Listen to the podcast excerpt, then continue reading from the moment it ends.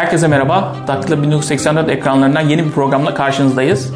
Ben Cem Özen. Bundan sonra Konteks programıyla sizlerle birlikte olacağım. Gündemdeki konuların arka planını açık kaynaklar ve somut veriler üzerinden değerlendirmeye çalışacağız. Analizlerimizi bilgi, veri ve gerçeklikler üzerine kuracağız. Peki neden böyle bir programa ihtiyaç duyduk? Artık bilgiye ulaşmak çok kolay ve bir bilgi enflasyonu yaşıyoruz. Böyle bir ortamda da gerçekleri berrak şekilde görebilmemizin önünde bir engelle karşılaşıyoruz. Bu yüzden bilgi kalabalığı arasında hepimiz elle tutulur verilere daha çok ihtiyaç duyuyoruz. Elimizdeki verileri doğru bir bakış açısıyla analiz edeceğiz. Böylece açıklanması zor gibi görünen şeyleri anlamaya çalışacağız. Programımızın da amacı bu olacak.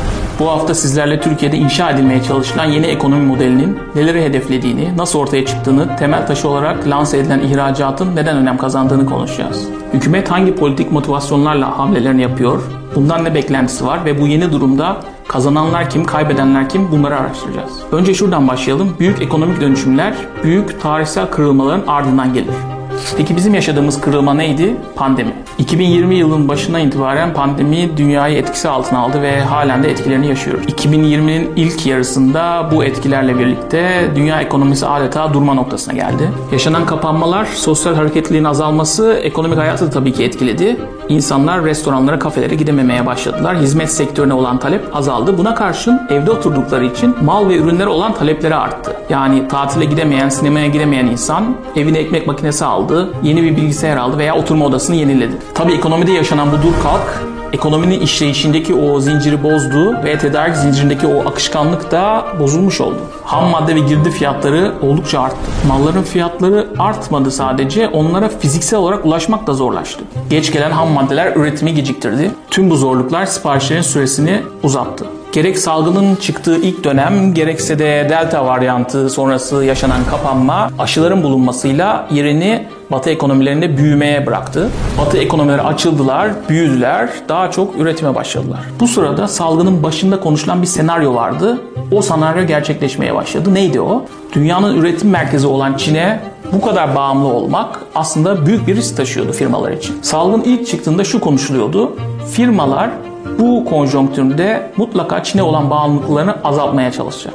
Salgın tabii bir işaret oldu ama salgın bitse bile Çin'de yaşanacak bir siyasi istikrarsızlık veya uluslararası bir kriz gene firmaları oldukça zora sokabilirdi. Salgının başında konuşulan bu durum 2021 yılında realize olmaya başladı. Tedarik zincirinin de bozulmasıyla Çin'de üretim yapan firmalar artık başka ülkelere siparişleri geçmeye başladı. Zira normalde Çin'den 20 günde gelen ürün artık 50 günde gelmeye başlıyordu. Dolayısıyla batılı firmalar da siparişlerini artık Hindistan, Polonya, Macaristan, Bangladeş ve tabii ki Türkiye'ye aktarmaya başladı.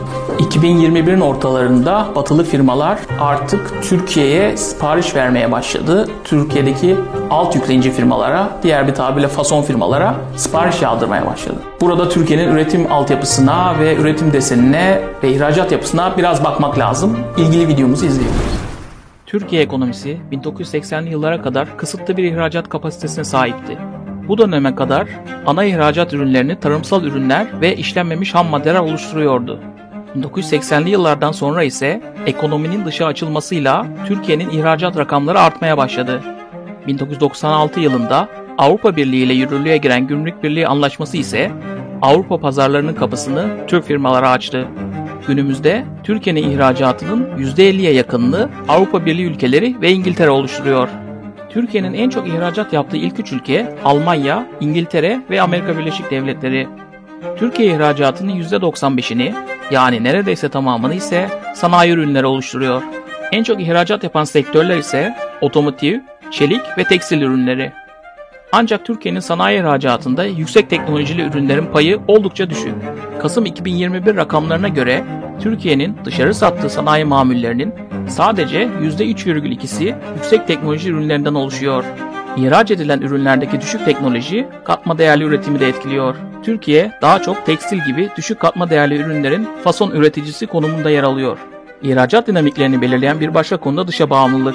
Hem enerji hem ham madde ve ara mamuller konusunda Türk firmaları yoğun bir şekilde dışa bağımlı durumda.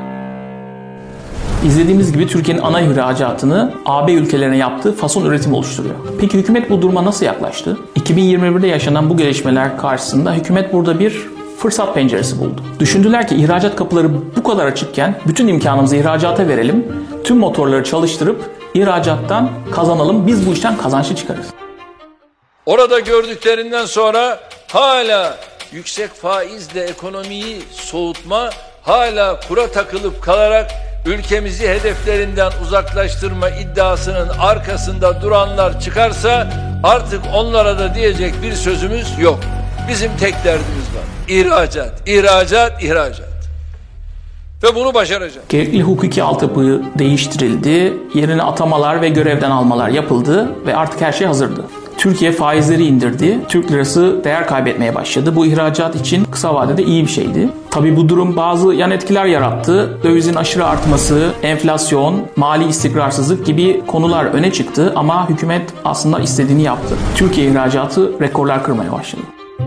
Burada büyük bir gurur ve memnuniyetle ifade etmek isterim ki 2021 toplam ihracatımız geçen yıla göre yüzde 32,9 oranında artışla rakamı açıklıyorum. 225 milyar 368 milyon dolar olarak gerçekleşmiş. Bu gelişme askeri ücretin artırılması gibi hükümetin elini güçlendiren sonuçlara yol açtı. Öyle ya firmalar bu kadar kazanmışken işçileriyle de bunu paylaşmalıydı değil mi? Son 50 yılın en yüksek rakamını ifade eden yüzde asgari ücret olarak söylüyorum. Asgari ücret artışı yüzde 50 seviyesinde gerçekleşmiştir. Böylece seçime giderken son bir yılda kendilerine iyi bir siyasi pozisyon üretebilmiş oldular. Bu konjonktüre hamleleri de Türkiye ekonomi modeli diye bir isim uydurdular. Bir de Nurettin Nebati konusu var tabii. Tüm bu hükümete yarayan ama halka pek yaramayan konularda tepkileri üzerine çekecek figürlere ihtiyaç duyulur. Geçmiş dönemde Berat Albayrak'ın üstlendiği bu görevi yeni dönemde Nurettin Nebati üstleniyor. Hatırlayın Erdoğan'ın damadı Albayrak döneminde ekonomik sorunlardan en çok tepki çeken kişi Berat Albayrak oluyordu. Çoğu sorun Berat Albayrak fatura ediliyordu. Damat aşağı, damat yukarı kendi tabanı bile eleştiri oklarını Berat Albayrak'a yöneltiyordu. Albayrak'ın istifasından sonra bu tepkiler Erdoğan hedef almaya başladı. Dolayısıyla bu yeni dönemde tepkileri üzerine çeken, basında sıkça konuşan ve devamlı yanıltıcı sinyaller göndererek ekonomik sorunlar üzerindeki algıyı kendi üzerine çekmeye çalışan bir Nurettin Nebati görüyoruz. E çok iyi işte. Rakamsal bir şey vermiş. Rakam ben vermeyeyim şimdi. Ama çok çok iyi. Gözle... Ya Gülçin gözlerime bakar mısınız? Ne görüyorsunuz? Ne görüyorsunuz gözlerimde? E, orada o e, sevinci görüyorum ama rakamları duymayı isterim. Şimdi Ben- ekonomi rakam işi. Ak- Ekonomi rakam işi. Ekonomi temenni işi. Ekonomi güven işi. Ekonomi istikrar işi. Ekonomi beklenti işi. Ekonomi gözlerdeki ışıltıdır. Benim gözlerimdeki ışıltıyı arkadaşlarım görüyor. düşmesini bekliyoruz bu kadar hızlı. Ama bu kadar hızlı açıkçası ben şeylerdeyim böyle bana yerimde duramıyorum. Kıpır kıpırım. Ya ertesi günü Ha, bekleseydiniz falan. Hayır ay, ben şunu yaptım. Ya arkadaşlar biz bir şey yaptık mı?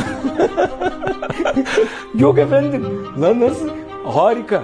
Muhteşem bir şey. Çünkü orada kurumlar yok. Hayatınızın gecesini yaşadınız. Hayatımız 20 Aralık büyük- bir geceydi. Çoğu muhaliften duyduğumuz ekonomiyi bilmiyorlar, yönetemiyorlar, anlamıyorlar eleştirileri yanında. Bunların aslında birer ekonomik tercih olduğunu anlarsak yeni durumu daha iyi anlayabiliriz gibi düşünüyorum. Türkiye fakirleşiyor ama ekonomi bilmemezlikten değil birilerinin tercihi sonucu fakirleşiyor. Gündemdeki gelişmelerin kontekstini izleyeceğimiz yeni programlarda görüşmek üzere.